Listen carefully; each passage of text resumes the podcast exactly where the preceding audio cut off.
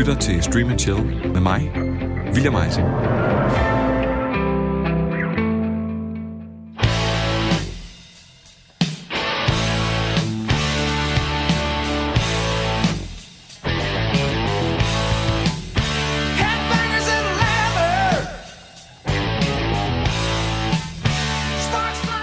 Nu skal du tage med mig på en rejse tilbage til det herrens år 1981.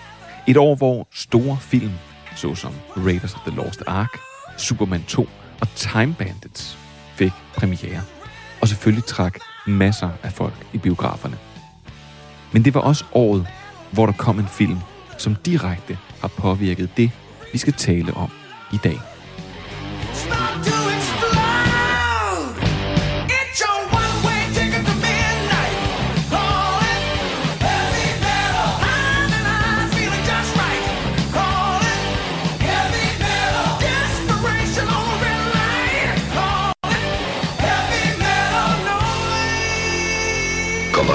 Pictures presents Heavy Metal. A trip beyond the future to a universe you've never seen before. A universe of mystery. Heavy Metal er en kanadisk-amerikansk animeret sci-fi antologi fantasy film, som udkom i 1981. Hold da op for en smør. Filmen den består af flere korte historier, der blev inspireret af Heavy Metal Magazine, og de animerede historier indeholder en stor del vold, blod, sex og ikke mindst nøgenhed. Det var forskellige animationsstudier, der arbejdede samtidig på det, der i sidste ende endte med at være heavy metal-filmen. Where am I? Hey, who's the chick? Look at my clothes. Who's gonna pay for the dry cleaning? Den idé, den fik nyt liv godt fire årtier efter af mesterinstruktøren og produceren David Fincher i samarbejde med Tim Miller, der instruerede blandt andet Deadpool. Rent faktisk så havde Miller og Fincher arbejdet på projektet siden slutningen af nullerne. Og dengang, der var det tiltænkt som værende et regulært remake af heavy metal-filmen. Paramount, de var med på ideen, og projektet det blev greenlit i 2008.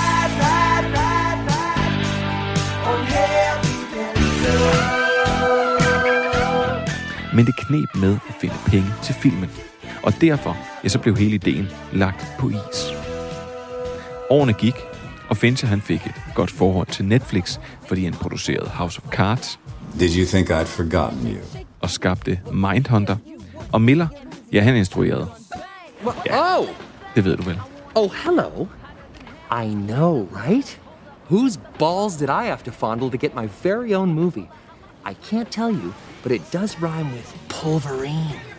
Fincher han kontaktede efter sine Miller derefter og sagde, så er det nu. Vi skal bruge vores nyfundne popularitet og lave det her projekt nu. De tog også et andet drastisk valg. Fuck this movie stuff. De besluttede sig i stedet for at lave en aftale med Netflix og gøre det til en serie. Det blev så til serien Love, Death and Robots. 18 short stories bearbejdet af Miller og Fincher, afleveret til forskellige animationsstudier, der gav hver deres bud på, hvordan det skulle se ud. Kravet, det var bare, det skal have med kærlighed, død og robotter at gøre, og det må ikke være længere end 17 minutter. I denne her uge, der kigger Stream and Chill nærmere på den første del af Love, Dead and Robots, og varmer op til anden del, der udkommer den 14. maj, og tredje del, som allerede er annonceret i 2022.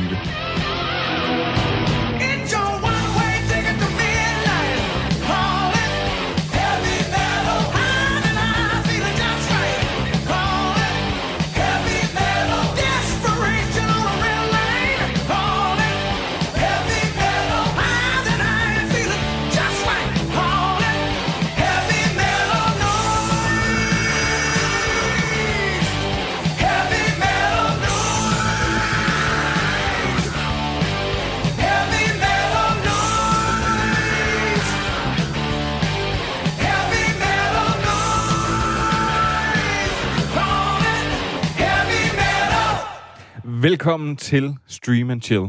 I dag der kigger vi nærmere på animationsantologiserien, som tog Netflix med storm, og hvor anden del har været meget ventet. Det kommer lige om lidt, og derfor så handler Stream and Chill i dag selvfølgelig om kærlighed, død og robotter. Så har jeg en gave med til dig, og øh, det skal vi snakke mere om. Og så skal vi også finde ud af, hvad vi skal gøre med vores konkurrence, som vi har nok bliver nødt til at sparke i gang. Og så er jeg selv gået animationsvejen i dagens anbefalinger, så der er mange gode ting, der venter. Og nu er der to gode ting, der ikke skal vente mere, for jeg skal nemlig sige velkommen til mine gæster, men jeg skal sige velkommen med et forbehold. Fordi overfor mig der sidder tv- og serieguruen Andreas Halskov. Velkommen til, Andreas. Tak skal du have, William. Og så sidder seriebarnet, og måske en kommende topscorer i første division, Simon Skov Jacobsen. Hej, William. Hej. Og forbeholdet er, Simon, ligesom det var øh, for øh, to uger siden, mm. Og nu er det måske endnu mere et forbehold, at du sidder med din mobiltelefon, og hvis den ringer, så er det fordi, at din kæreste, Nana, hun er gået i fødsel. Det kan i hvert fald være en mulighed. Altså, der er ikke kun noter på min telefon i dag. Nu er der også øh, mulighed for, at øh, den, den bimler og bamler lige pludselig, og jeg må, jeg må ned på cyklen. Men øh, ej, det, det, det tyder på, at, at der lige går lige lidt endnu, men øh, termin nærmer sig i hvert fald. Og så vil jeg sige, nu kunne jeg se, at I begge to sad lidt og rockede med til øh, musikken. Og jeg skal komme med en tilståelse. Jeg har aldrig nogensinde set heavy metal-filmen. Det ved jeg, du har, Andreas. Mm. Selvfølgelig har du det. Det er noget gammelt støvet noget. Og den er, Ja, den så jeg hjemme ved min gode gamle øh, ungdomsven Per øh, på VHS i Odense, eller i Tarup nærmere bestemt. Og øh, han fortalte mig da alt om det tegneserieforlæg af, hvad hedder det, Möbius Metal Hurlant, som jo er den rigtige titel på det. Ja. Hvad hedder det? Så jo, jeg kan Ja, tydeligt huske det. Det var den gang, hvor man så, øh, hvad hedder det, video 2000 film. Der, hvor man skulle vende kassetten rundt ind i Philips-maskinen og sådan noget. Fedt. Jeg tror bare, vi skal stoppe her for i dag og sige tak. Nej, øh, nå, men jeg vil bare sige, grunden til, at jeg kender øh, musikken til den her, det er, fordi South Park øh, for 12 eller 13 år siden lavede en, øh, en episode, der hed Major Boobage. Og øh, den, øh, den, det er sæson nummer 12, det er episode nummer 3. Og der er det faktisk en homage til øh, hele, hele det her heavy metal. Og der har de øh, flere, genskabt flere figurerne. Og det er så sådan en fantasiverden, øh, børnene de øh, ryger ind i, når de har sniffet kattetis. og med det, ja, så vil jeg godt have lov til at sige, øh, lad os øh, så komme i gang. Tim Miller står opført som skaber, mens David Fincher er listet som executive producer. En rolle, som kan vekselere mellem en no-show-titel og en 70 timers arbejdsuge. Med Fincher er det ofte det sidste. Men de har været i et tæt parløb, de to, om de 18 afsnit, der har temaet kærlighed, død og robotter. Serien den slægter på sin forfader, heavy metal, og viser derfor eksplicit vold, sex og nøgenhed. Del 1 består af 18 afsnit, alle under 17 minutter, og den meget ventede del 2 består af 8 afsnit. Alle sammen kan ses på Netflix.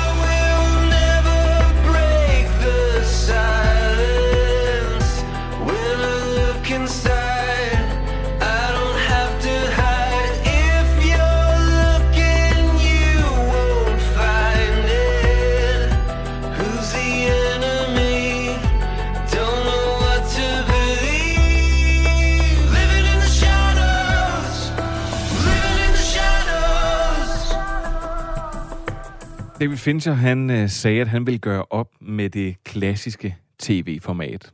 Det var da han fandt ud af, at det ikke skulle være en, en film, øh, men det skulle være en tv-serie i stedet for.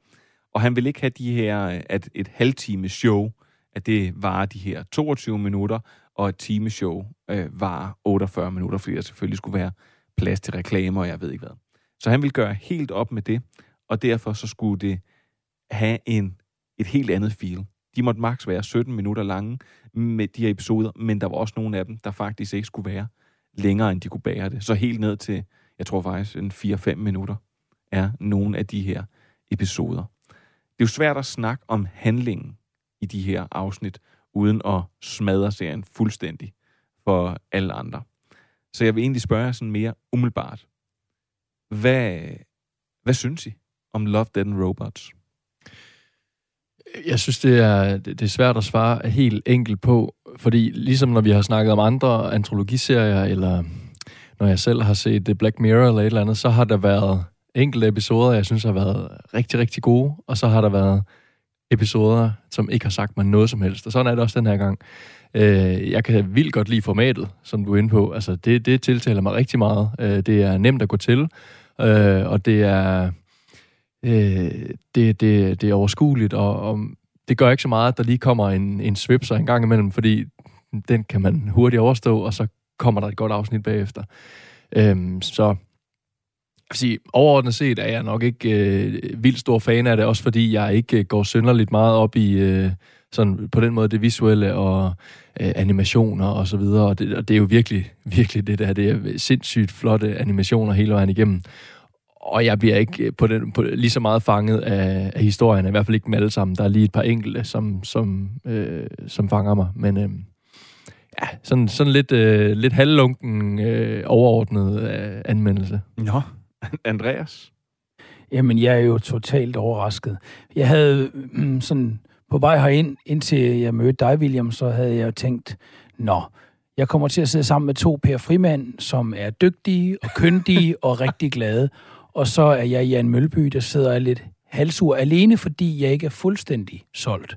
Øh, for jeg har det faktisk helt, som Simon beskriver. Jeg hvad hedder det, synes, at øh, der er enkelte af delene, som er rigtig fine, og det er jo netop sådan, som det er med antologiserier. Jeg synes faktisk, det er en, en, en, fuldstændig en match nøjagtigt med min oplevelse.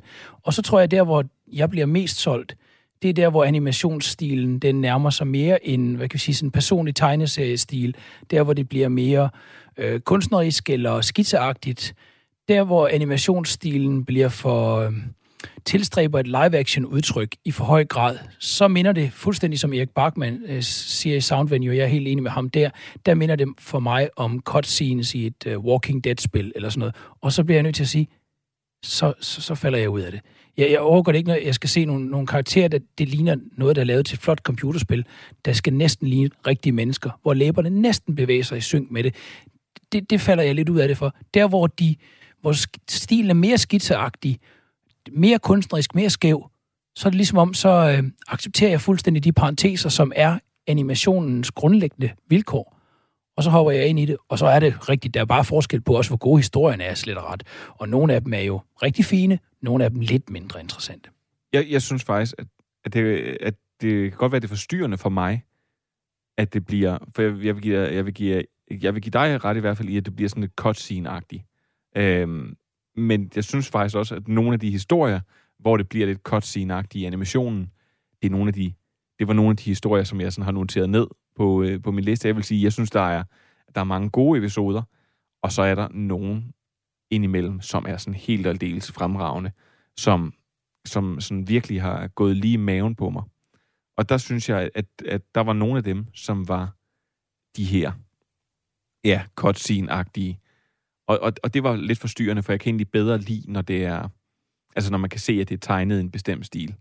Altså der er en, øh, der er en med, med, med om, om Hitler og alternativ historie, som er tegnet sådan, at, at personerne har vildt høje ben og meget små kroppe.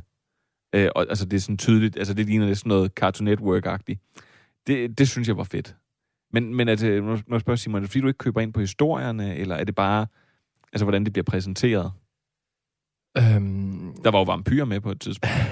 Altså, der, jeg har det ikke sådan, at jeg bliver, øh, jeg bliver egentlig ikke tiltrukket eller frastødt af en bestemt stil, eller, øh, fordi altså, de to afsnit, jeg sådan havde lyst til at se igen, og har set igen, øh, det, var, det var det første afsnit, Three Little Robots, og det var det, der hed Helping Hand, tror jeg, som jo Øh, ja, jeg læste også øh, Son Venue-artiklen, hvor han beskriver det rigtig godt som øh, en, en, et mix af 127 Hours og, og Gravity.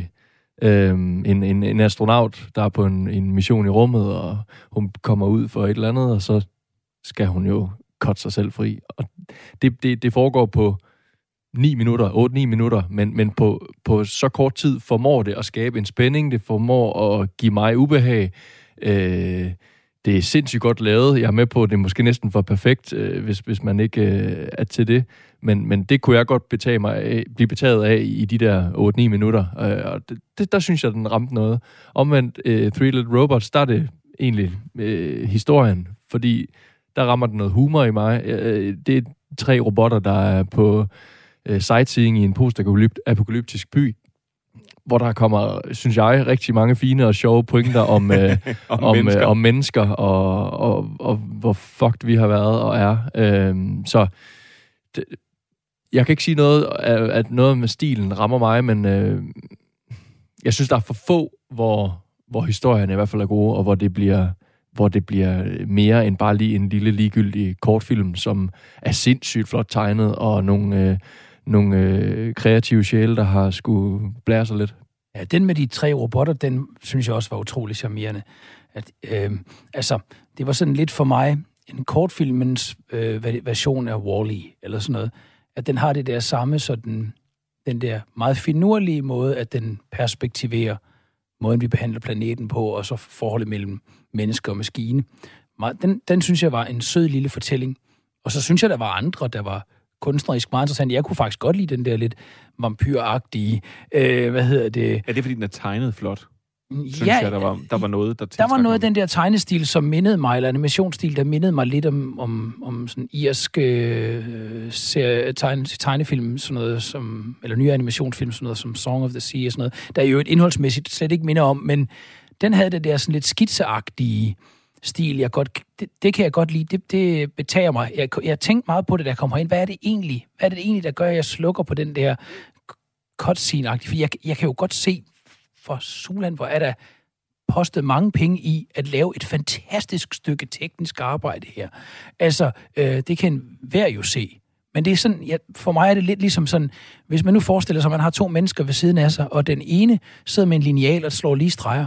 Tænker, nå ja, det kan være jo vil lave med en lineal. Og så ved siden af, så, står, så sidder der en og slår lige så lige streger uden en lineal.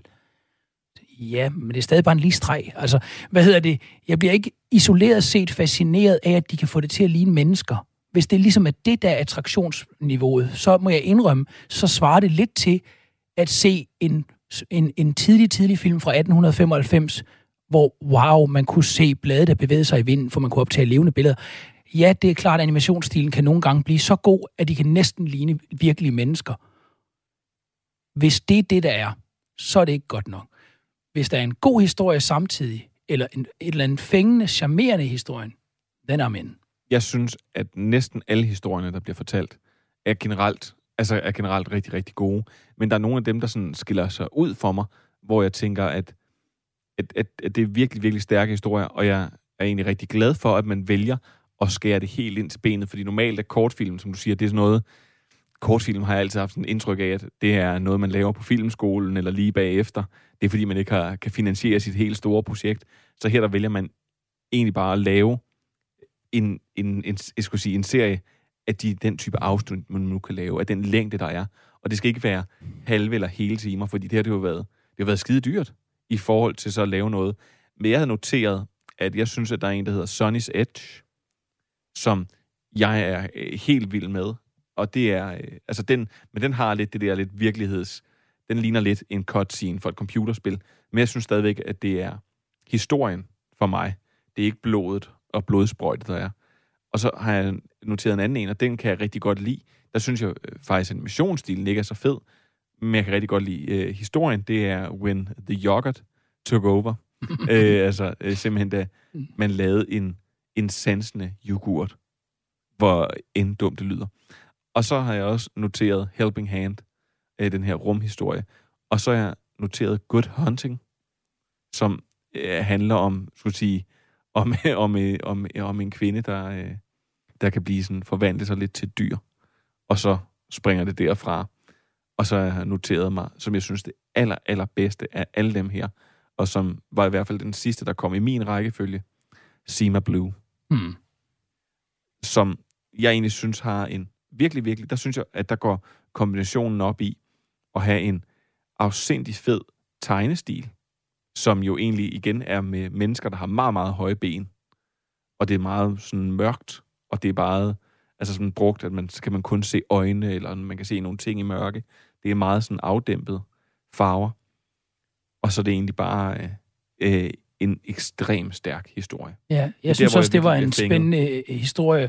Og så, det er jo ikke fordi, at det næsten fotorealistiske ikke i sig selv kan være imponerende. Det er bare heller ikke i sig selv imponerende. Altså, Picasso er jo heller ikke en dårlig maler, bare fordi han i øvrigt fuldstændig smadrer perspektivet. Altså, øh, nogle gange er det, er det netop interessant, set ud fra, synes jeg, sådan et visuelt øh, anskuelsespunkt, hvis kroppen ser mærkelig ud, eller benene er unaturligt lange, overkroppen er unaturligt kort og sådan noget. Det kan have en eller anden i sig selv fængende, men Sima Blue ville ikke være god, hvis ikke det også var for en fin historie. Altså, jeg synes faktisk, der var flere gode imellem, men jeg havde bare grundlæggende samme oplevelse som Simon, at det var, ja, som det er med antologiserier. Gode elementer, mindre gode. Alle kan jo huske de to-tre fedeste afsnit af Black Mirror, og vil sikkert hæve det, at det er noget af det bedste, der overhovedet er lavet i tv. Mm, og så er der bare mange, man glemmer. Jeg har det på samme måde her. Altså, grunden til at tage den her serie med, og grunden til at jeg netop synes, at det er jo en, skulle sige, det er en, en serie, der er udkommet for over to år siden, som vi så nu skal sidde og snakke om.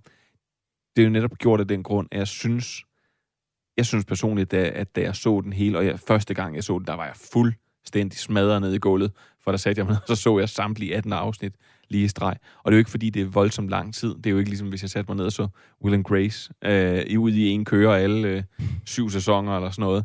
Men, men, men jeg synes, der er, det er nogle følelsesmæssige rutsjebaner, man kommer ud på meget, meget kort tid. Og jeg synes, at, at jeg binder mig til karaktererne, og det er derfor, jeg egentlig er så spændt. Nu kan jeg se her i anden del, at det kun, jeg tror, fem afsnit, der, øh, der, der ligger. Der den anden del, der kommer her nu. Så vi ikke engang får lov til at se, for der skal være meget i og så meget hemmelighedskrammeri. Men det synes jeg egentlig lover godt, for jeg synes netop ikke, jeg er sådan lidt uenig med jer to. Jeg synes ikke, at der er nogen, hvor jeg tænker, nej, der er nogen, hvor jeg ikke, vil, hvor jeg ikke kunne, kunne huske dem. Men lige snart jeg satte mig og så dem, så kunne jeg huske dem. Men jeg synes stadigvæk, det var gode afsnit. Men det var ikke stor kunst, men det synes jeg bare, der er indimellem. Altså, jeg, jeg er slet ikke blevet øh, rørt på samme måde som dig over jamen, nogle af afsnittene. Det er følelseskold Jamen, skid. fuldstændig. Altså, der var lige det der øh, helping hand, hvor øh, der formår de at skabe, som jeg siger, den der en spænding og øh, ubehag, også, måske endda også, fordi det, det bliver så realistisk, øh, det der sker. Øhm, men, men ellers så, så er jeg slet ikke øh, følelsesmæssigt øh, involveret i karaktererne, og der rammer den mig, mig slet ikke, så det, det, det er mere så igen tre små robotter, der har nogle sjove pointer, der gør det for mig, og øh, det, jeg tror, det er meget formatet, der har, der har reddet mig igennem. Øh, øh, fordi, jamen, havde det været 18 afsnit på en halv time eller et eller andet, så var jeg ikke kommet igennem. Øhm, ja, det var jeg nok, fordi det plejer jeg at gøre med de serier, du Ja, giver mig. men, men, øh, men det kan også være grunden til, at jeg nok også kommer til at se sæson 2, fordi det ikke tager så lang tid at skulle se dem, og jeg så måske lige får de der et, to, tre afsnit, jeg synes er, er ret gode. Øhm, men du synes helt tydeligvis, den er bedre, end jeg gør, det må jeg ja, sige. det skal jeg da lige love for. Andreas, nu, øh, nu starter vi med at snakke om heavy metal, og den er jo, skulle sige, bygget på øh, bygget oven på heavy metal, og for, som den eneste, der sidder her, der har set det. Hvad, hvor, hvor, hvor tæt er de egentlig på hinanden? Hvis man nu er kæmpe stor fan af, af Love, Dead and Robots, og synes, det er mega fedt, skal man så, øh, skal man så erhverve sig? Man kan jo få lov til at Det eventuelt synes jeg under alle øh, omstændigheder, man skal. Jeg synes, jo, jeg synes jo, den netop har også en meget, pers- en, en meget personlig visuel stil, heavy metal. Altså, øh, og ja, ja, altså, det var, jeg, jeg var meget betaget af den. Jeg har jo ikke genset den, siden jeg var 16-17 år, måske, eller sådan noget, den dur. Så det er jo rigtig, rigtig mange år siden. Men altså, øh, øh, jeg synes, den var meget visuelt fængende. Ligesom nogle af de her afsnit er. Og jeg kom til at tænke på, mens I sad og talte, så kom jeg til at tænke på sådan, jamen, det er på en måde jo også, at er det antologiseriens urimelige lod, at den bliver, der bliver hver enkelt delelement vurderet som et selvstændigt værk. Det gør man jo ikke, når man sidder og ser Friends. Så det er jo ikke sådan, at der siger, nej, nah, men afsnit 2 i sæson 3, det var ikke særlig godt så jeg gider ikke se Friends. Det er en parodi af dig, Simon. Det Ja, nej, nej, men, nej, men det er jo egentlig en parodi af mig selv, egentlig, på den måde, fordi jeg er jo også lidt hård ved den her, og så hård synes jeg måske heller ikke, jeg kan tillade mig at være. Altså, jeg synes, øh, hvad hedder det, der er enkelt afsnit her, og jeg kan det, jeg, nu kan I jo nø- nøjagtigt huske titlerne på dem, det kan jeg faktisk desværre ikke på dem alle sammen. Der var et, som, øh, hvor jeg, jeg har nærmest totalt glemt handlingen, efter at have set det to gange, men jeg synes bare, at sådan rent visuelt var det virkelig fængende. Der var sådan det der... Øh, øh, det her, hvor vi har med lejligheden, med, hvor hun ser en mand igennem lejligheden, Ja, igennem vinduet. Witness, Var det det, det lige præcis. Ja. Ja, der, der, der tænkte jeg, at den visuelle stil i det var, var ret øh, fascinerende. Altså, handlingen optog mig ikke synderligt, men, Men den den var bare meget hektisk. den var Altså, meget hektisk og grafisk vild, og kameraet, kameraarbejdet, for så vidt som det er kameraarbejde, det er jo anime, animeret, men altså, det giver den der fornemmelse af et hektisk kameraarbejde, og sådan, der var noget visuelt fængende over det. Så altså, jeg tror, antologiserien er bare altid dømt til at blive hårdt altså blive, blive vurderet hårdt, fordi et hver enkelt afsnit i en antologiserie opleves som et selvstændigt værk, i modsætning til en tv-serie, hvor hvert afsnit er en del af et større værk. Og der kan det måske bedre holde til, at afsnit, et, et afsnit er mindre godt. Og det må vi jo nok sige, at sådan er det i de fleste serier. Men prøv jeg synes, vi skal finde ud af, hvem det så er, der bliver rigtig glad for Love, Dead and Robots, som man allerede nu kan se på Netflix, men også den anden del, der kommer lige om lidt. Det her er Radio 4, og du lytter til Stream and Chill, programmet, der giver dig det nyeste inden for tv- og serieverdenen. Du kan altid finde os på diverse podcasttjenester og på Radio 4's hjemmeside og app. Wonderboy, vil du ligge øh, fra land? Ja.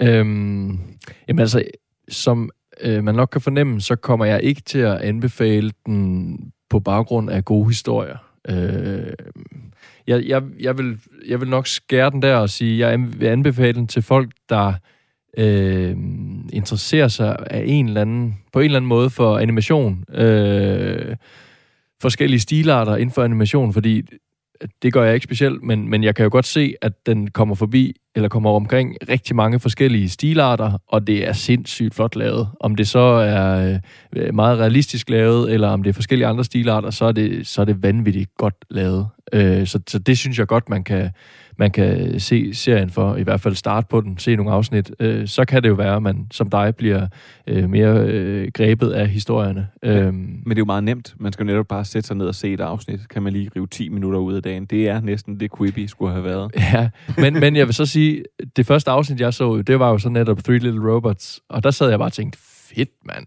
og jeg er totalt på. Jeg synes, det var en uh, god humor, det var 10 minutter, det var en rigtig sød historie, så der tænkte jeg bare, at den her serie kommer jeg til at sluge fuldstændig, og jeg kommer til at elske den, og det gjorde jeg så ikke. Så, øh, nej, nej, det er bare for lige at sige det. Altså, det, Konklusion. det er jo, det er jo, det er jo lidt forskelligt. Men, men som sagt, øh, få, få set nogle af afsnittene for, for fantastisk øh, animationsarbejde. Altså, det, det synes jeg, den er værd at se for. Andreas? Mm, Jamen, jeg vil da klart anbefale den her serie til netop folk, der er interesseret i tegnefilm, i det, eller animationsserier, og folk, der er interesseret i fantastika i øvrigt, altså science fiction, fantasy osv. Øh, jeg tror, at der er mange af, af de venner, jeg har, som er meget sådan tegneserienørder, og som samtidig, der er et klart overlap imellem de to grupper, interesserede sig meget hæftigt for science fiction osv. Der vil være mange af dem, der vil fatte interesse for den her serie, tror jeg.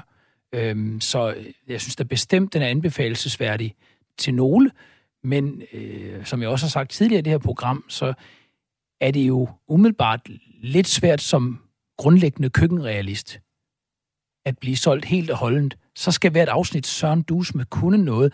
Hvis man som mig egentlig allerbedst kan lide noget, der er hverdagsrealistisk, øh, så skal det virkelig kunne noget på det fortællemæssige plan. Så er det ikke nok, at det er øh, virkelig næsten fotorealistisk. Jeg vil så sige, at jeg synes jo næsten, at den grænser op til en ny klassiker og en slags must-see.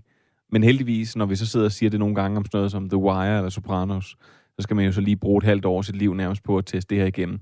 Det her, det kan altså gøres på en aften. Og derfor så synes jeg egentlig, man bør give det en chance. Så kan det godt være, at man ligesom øh, den gode øh, Simon Topscorer ender med at se det første afsnit og tænker, yes, den er hjemme, den kommer jeg til at elske. Og så går det ned ad bakke derfra eller som køkkenrealisten herover ikke, øh, heller ikke klapper i sine hænder, når der kommer computer cutscenes imellem. Men jeg, men jeg synes alligevel, at det, her, det er virkelig noget, man bør, gøre, bør give en chance. Særligt fordi, at det skifter så radikalt udtryk. Og jeg synes jo så, at jeg var heldig, at første gang jeg så den, der lå jeg på min kammerats sofa og havde det lidt skidt. Og så siger jeg, jeg falder nok snart i søvn. Så siger han, ved du hvad, hvis du bare lige skal se noget kort, noget hurtigt, så får du lige høretelefonerne på her, tænd den for det store fjernsyn, og så satte jeg den på, og så holdt jeg mig vågen til alle 18 episoder, og følte mig sådan lidt halvødelagt bagefter. Hvad end man er i, hvad end man er til, så er Love, Dead and Robots at finde på Netflix, og del 2, den kommer den 14 maj. Du lytter til Stream and Chill, hele Danmarks seriemagasin på hele Danmarks Radio, Radio 4. I denne her uge med den hele og den halve skov, Andreas Halskov og Simon Skov Jacobsen.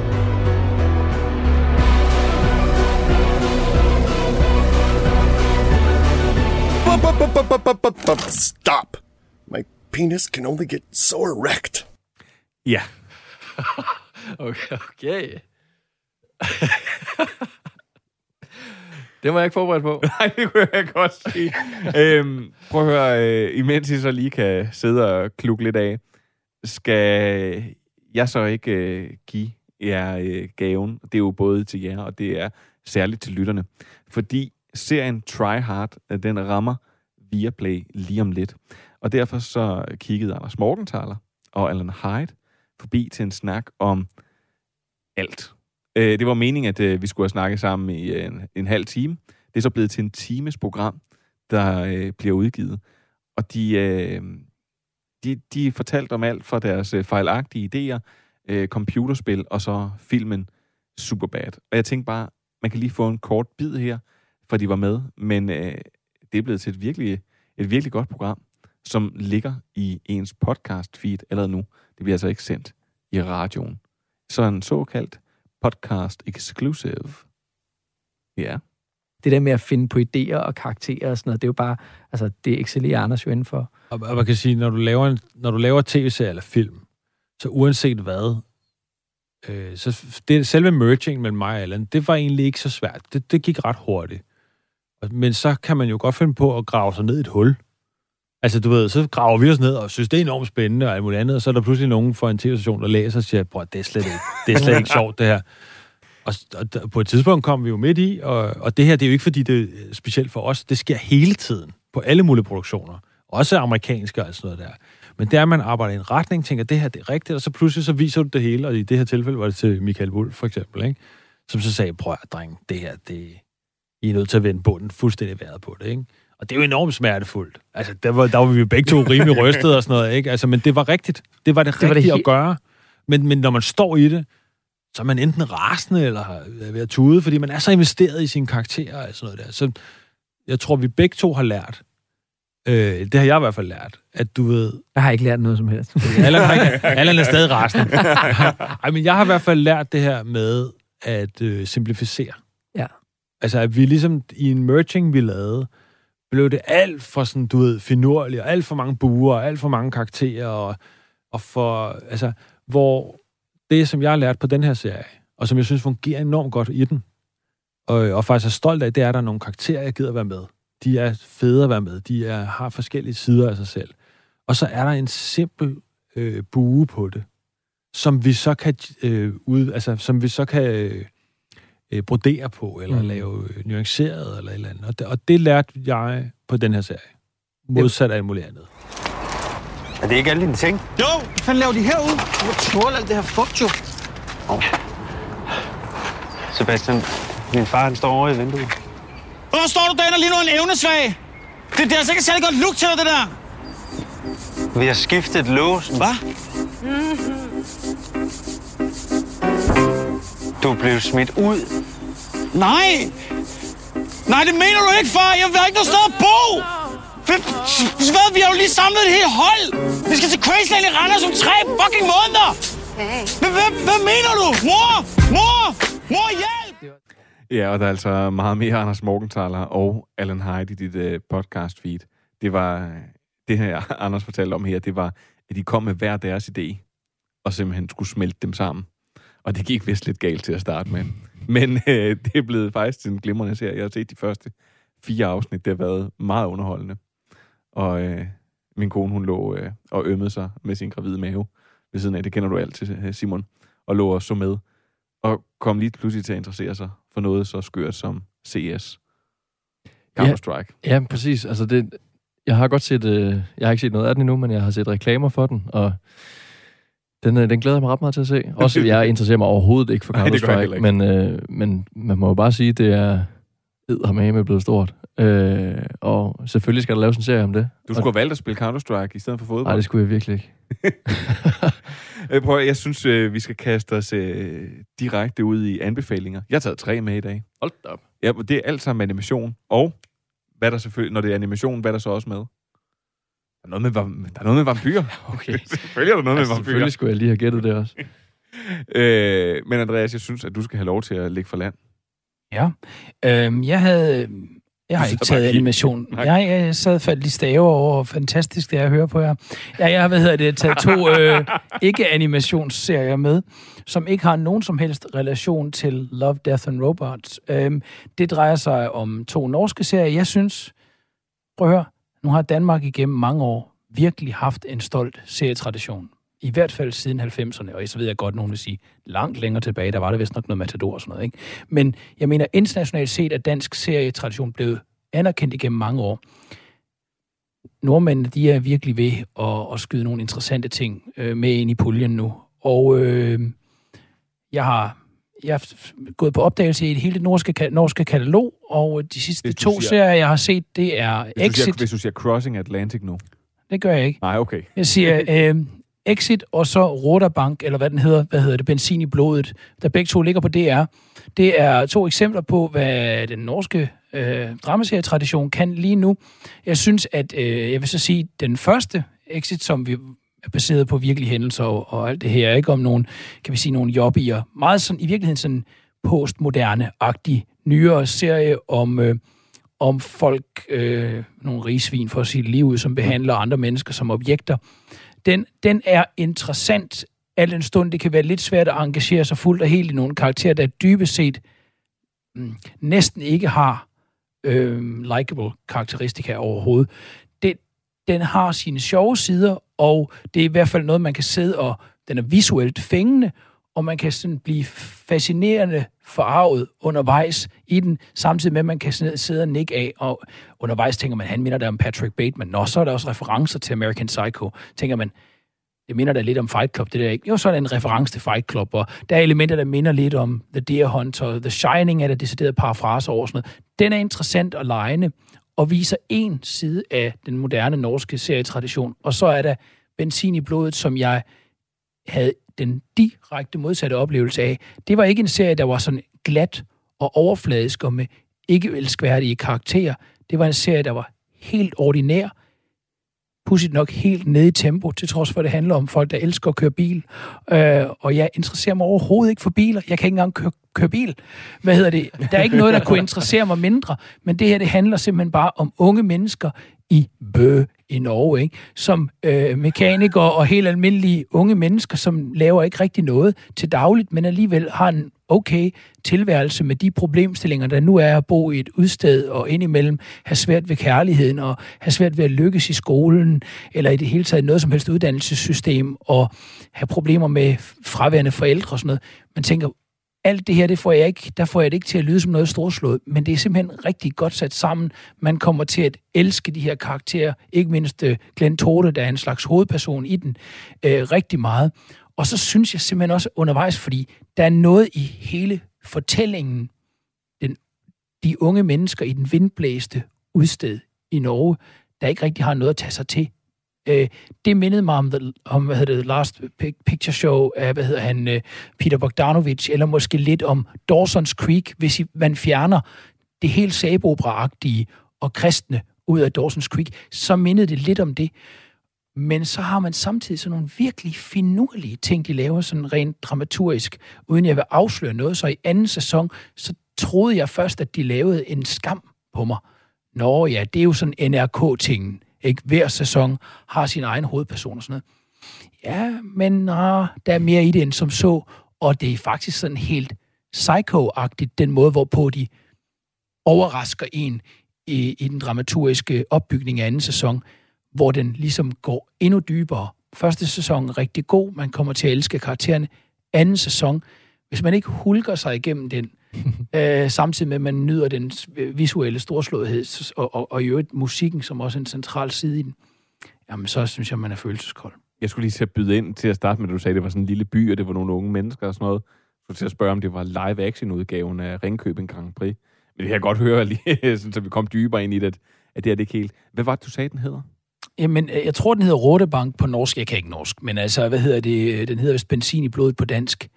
Og, øh, og det er jo fordi, at Glenn Torde, som han hedder, eller GT, som de kalder ham, han er, han er mekaniker eller sådan noget, ikke? Altså, hvad hedder det? Og de, de, de er tosset med biler. De elsker bare biler.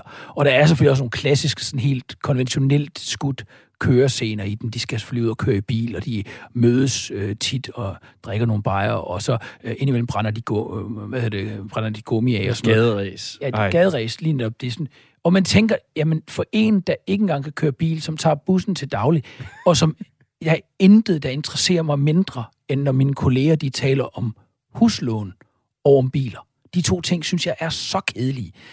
Men det handler den serie jo overhovedet heller ikke om. Det er jo en ramme. Det kunne jo være alt muligt andet. Det, er jo, det svarer jo til at sige, at Six Feet Under handler om bedemandsforretning. Det gør det jo ikke. Det handler jo om alt andet. Det er, de, det er relationerne imellem mennesker, mennesker, der kunne være hvem som helst. Og det er måske i virkeligheden det eneste element i Exit, som jeg synes er visuelt fængende. Det eneste, jeg reelt mangler der, det er nogle mennesker, jeg kan lide og engagere mig i. Og det har jeg så til fulde i Benzin i blodet, som jeg tænker faktisk er en af de bedste ungdomsserier i nyere tid. Det er ikke en ungdomsserie som i skam, fordi de er ældre, ikke også? Men altså, Men det vil heller aldrig, altså, der vil aldrig gå en serie, der hedder Huslån i blodet. Nå, nej, men man kunne vel... nej, nej, det ville jeg nok ikke. Men man kunne vel godt forestille sig, at... Ja, nej, det ved jeg sgu ikke. Alt kan jo være en arena. Ikke? Ja. Altså- Rute, Rutebank på øh, DR.dk, og så siger du som en, som en lille, lille sidegeschæft. Exit.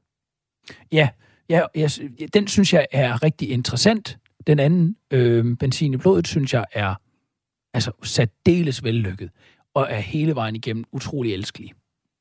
Ja, og jeg er meget enig, hvis jeg lige skal til. Jeg har set begge to. Jeg har haft, jeg har haft Exit med før, og jeg tror, så så jeg øh, Benzin i blodet sådan lidt efter.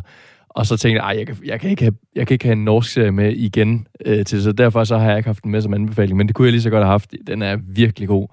Og især Glenn Torda, altså han spiller så vanvittigt godt, ham der spiller, nu kan jeg ikke lige hans navn desværre, men altså han spiller så vanvittigt. Han spiller den der hårde, hårde landsby, øh, nogle gange bølle, nogle gange øh, bare en, en, en hård fyr, der er sådan ikke så, ikke så glad for følelser og så videre. Men så har han jo alligevel også lidt det, det siger, og så spiller han den bløde lige pludselig. Jamen, han er helt fantastisk er god. virkelig, det er virkelig godt nuanceret. Altså alle, der har selv kommer fra en provins, eller har været en del af sådan et, et, et maskulin miljø, altså øh, nu har jeg så ikke spillet fodbold på noget, der minder om højt plan, vel, men hvis man har spillet fodbold i en lille by, så ved man jo da...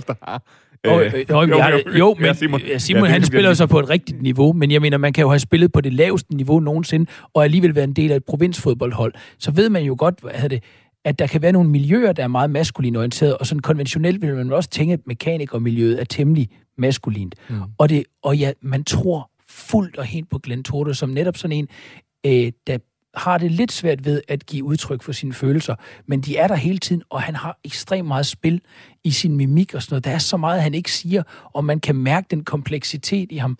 Det synes jeg virkelig er fint, og det ligger faktisk i alle karaktererne. Så den er meget karakterdreven, hvor at det er Exit måske også, men lad os være ærlige og sige, at den ene, den handler rigtig meget om identifikation, den anden serie handler måske mere om fascination og forarvelse. Der kan man fascineres og forarves af nogle mennesker, man tænker, vi kan måske alle sammen handle som svin i ny og næ, men alligevel er det de færreste af os, der har stået med en golfkølle øh, over, over hovedet på en prostitueret og sagt, at hun skal tage en golf i munden, øh, for, inden man så... Det, det tror jeg alligevel det færreste, der har gjort, altså. Det kan jeg ikke lige erindre, jeg har gjort håber det i jeg. hvert fald.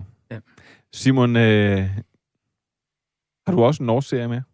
Nej, det har jeg ikke. Øh, men vi skal til Sydafrika. Og jeg har heller ikke øh, øh, taget hverken animation eller for den sags skyld sci-fi, men af en eller anden grund, så øh, giver det sådan lidt øh, tanker derhen alligevel, fordi det er en, en dokumentar om en mand, der får et virkelig tæt forhold til en vild blæksprutte. Og øh, det kunne både være, være virkelig flot animeret, øh, og der er jo også lidt, lidt sci-fi over det der. Øh, det, er, det er den øh, Oscar-vindende og BAFTA-vindende dokumentar My Octopus Teacher, øh, som, øh, som handler om en, en øh, sydafrikansk øh, dokumentarist, der hedder, nu skal jeg ikke, Craig Foster. Han har efter mange års arbejde øh, fået stress og er helt udkørt og vil lægge alt øh, filmarbejde på hylden, og han skal finde sig selv igen. Så begynder han at øh, kom tilbage til sit øh, barndoms øh, badested, det synes jeg næsten er for vildt at kalde det, for det, det, er et- det er et ret vildt sted, helt nede ved, ved øh, Cape Peninsula, tror jeg det hedder, øh, i Sydafrika, øh, hvor der er sådan en, en tankskov, undervandstankskov, og mega mange bølger, så det er ikke et, et let sted at skulle ud og, og dykke. Men han begynder at bade der, og dykke der, og får renset kroppen og sjælen og så videre. Og en dag så finder han, så får han øje på den her øh, blæksprutte, øh, og beundrer den, den dag, han er der, og synes, det er jo et vanvittigt dyr. Og så får han den idé, at hvad nu, hvis jeg kommer her? Fordi han, han allerede der med- mærker en eller anden form for connection. Så hvad nu, hvis jeg kommer her hver dag det næste stykke tid? Og det gør han så, og han begynder at filme det. Øh, og der er nogle sindssygt flotte billeder, og den kontakt, han får til det der helt, helt vanvittige dyr, som en blæksprut er, øh, det, det er så rørende. Øh, og så er han jo samtidig en, en virkelig, virkelig dygtig øh, filmmager, og har selvfølgelig et, et, et hold med os, øh, og, og begynder at lave en sindssygt smuk naturfilm i virkeligheden også. Øh, så den blev jeg fuldstændig ramt af, både følelsesmæssigt og øh, visuelt, øh, og øh, en, en virkelig stærk fortælling om hans øh, måde at finde tilbage til sit, øh, sit øh, hvad hedder sådan noget, gode jeg, hvad hedder sådan noget, øh, ved at, at, at observere blæksprutten. Altså det er sådan helt syret, men, men en virkelig smuk fortælling. Det er jo virkelig, som, som du sagde, Andreas, før, altså hvad som helst kan være en arena for en historie. Det beviser det her jo virkelig. Jeg ved godt, det er en dokumentar, ikke? Men det er jo, det, det, er det lyder jo vildt fascinerende. Det lyder vildt smukt, at han, altså at man, øh, altså jeg, jeg selv engang har haft stress og var sygemeldt i, øh, i en længere periode. Og det er, det er sgu ikke, fordi det skal lyde som sådan et selvhjælpsprogram eller sådan noget, men det er virkelig, man kan, man kan finde, øh, man kan, så kan man lige pludselig finde nogle smukke ting i, nogle, altså i, i noget, hvor man måske ikke havde forventet, eller hvor man ikke kiggede før. Og jeg synes, det der, det lyder, det lyder helt, det lyder helt absurd smukt. Hvor, ja. My Op- Octopus Teacher. Hvor, Octopus kan- Teacher, hvor og kan- den har jo så li- ligesom øh, rådebanket og benzin i blodet, sådan lidt, ah, det, det fungerer bedst på, på originalsproget, så hedder den her, øh, hvad jeg lærte af en blæksprutte på dansk. Og My Octopus Teacher, det lyder lidt mere... Hvad var det, hvad var det med katten? Åh, oh. oh, det kan jeg ikke huske. Nej. Øh, Øh, hvor- den hvor- ligger på Netflix. På Netflix. Og den er en time og 25, så det er jo også rimelig overskuelig længde. Og, altså, den er en stor, stor anbefaling. Jamen, øh, jeg har ikke noget med hverken Octopussies eller øh, norsk tv at gøre. Jeg har til gengæld øh, tre solide animationsserier med, men jeg tænkte sådan i forlængelse af, hvis man nu sidder og ser Love, Dead and Robots og synes, det er helt, helt fantastisk. Jeg synes, jeg egentlig vil starte med, øh, du kunne rigtig godt lide den her lidt skitseagtige tegning, der var. Den skitseagtige tegning, den finder man også i serien, der hedder Castlevania. Og den har jeg haft snakket om øh, flere gange før. Grunden til, at nu også tager den med her, det er fordi, for det første er det en virkelig, virkelig, virkelig god øh, serie. Derudover så kommer der i dag den fjerde og sidste del af, af den her Castlevania-serie. Og det betyder så, at Castlevania vil slutte nu, men der vil komme en spin-off, som jeg forstår det, til hele universet. Kort sagt, så handler det om Trevor Belmont, der er Monster Hunter. Og øh, det er han så i den her verden, hvor han jager alle slags dæmoner og monstre og vampyrer. Og derfra så folder der sig bare en ret smuk historie ud, som lige pludselig også øh, har en kærlighedshistorie, og som fortæller om en fyr, der hedder Alucard. Det er Dracula bagfra, vil jeg bare lige sige. Og, øh, og så endnu mere fantastisk, jamen så er den bygget over et øh, gammelt japansk spil af samme, øh, af samme navn. Og så er animationen, som du siger, den er fremragende. Det er nemlig de her skitser. Så det ligner ikke et computerspil på den måde. Castlevania på Netflix. Virkelig, virkelig fantastisk.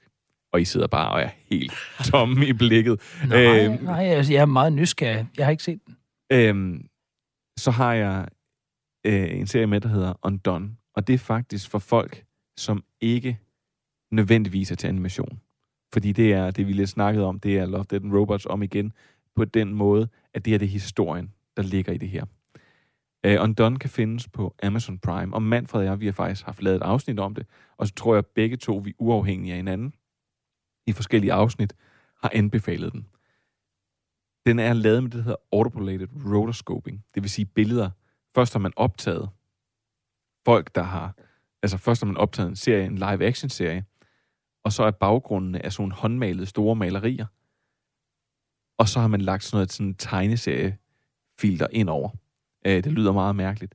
Men serien den handler om en kvinde, der hedder Alma, som er ude for et trafikuheld. Og derfra så begynder den så at spinde fuldstændig ud. For Alma, hun begynder at opleve en anden virkelighed. Og begynder så svagt at se sin afdøde far. Og jeg vil sige, det her det er nemlig en rigtig, rigtig fremragende historie. Og jeg vil sige, man bliver også man bliver udfordret, når man ser den. Man bliver udfordret også på det følelsesmæssige, og det er til at tænke, hvad er, hvad er virkeligt, hvad er ikke virkeligt. Men det her, det er en, en serie virkelig for højeste hylde. Og det her, det er sådan en serie, hvis det havde været en live-action-serie, så var, den, altså, så var det gået helt amok. Og så måske alligevel ikke, fordi der netop er noget, hvornår drømme og virkelighed flyder sammen, som bliver udstillet utrolig smukt i den her Undone. Det er Bob Odenkirk, en af dine Mhm. mm-hmm. favoritter, Andreas, øh, der blandt andet spiller Saul i Better Call Saul. Øh, han spiller med i den, og så er den skabt af en af mine favoritter, Raphael Bob Waksberg, mm. som er manden bag den. Om ham kan man da også kun elske, hvis. Ja, manden bag den fuldstændig fremragende Bojack Horseman.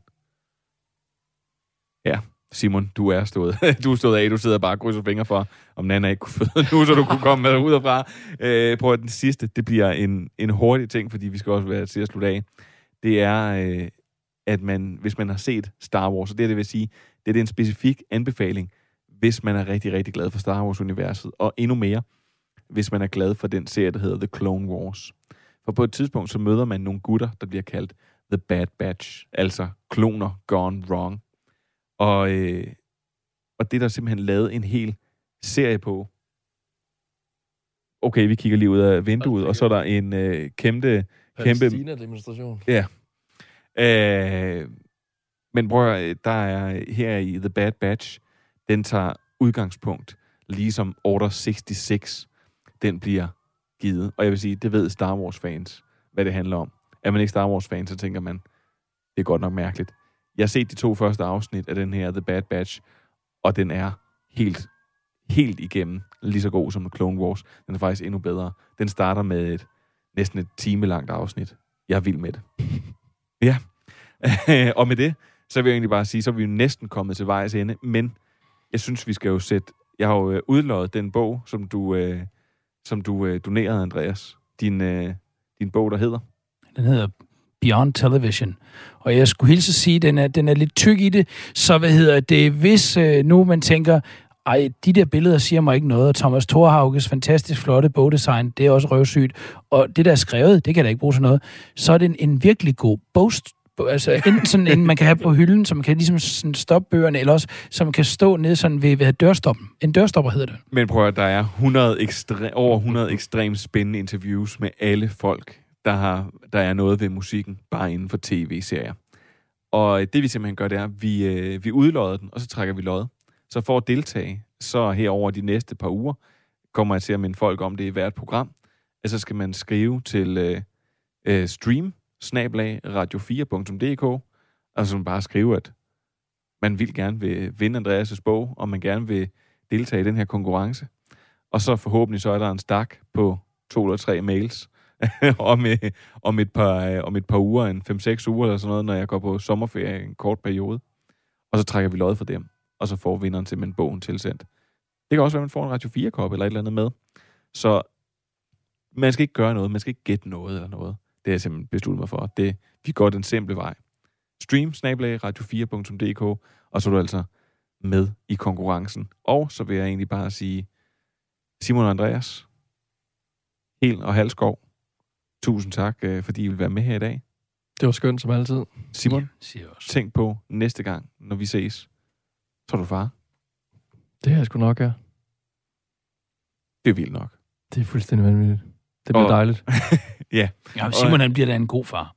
Det tror jeg godt, vi kan være enige om. Og jeg vil bare sige, at alle de øh, titler og alt, hvad jeg har nævnt i løbet af programmet, de ligger selvfølgelig i podcast-teksten. Og nu, jeg så vil jeg give de sidste ord til Jean-Luc Picard. You know, back when I was in the academy, we would follow every toast with a song.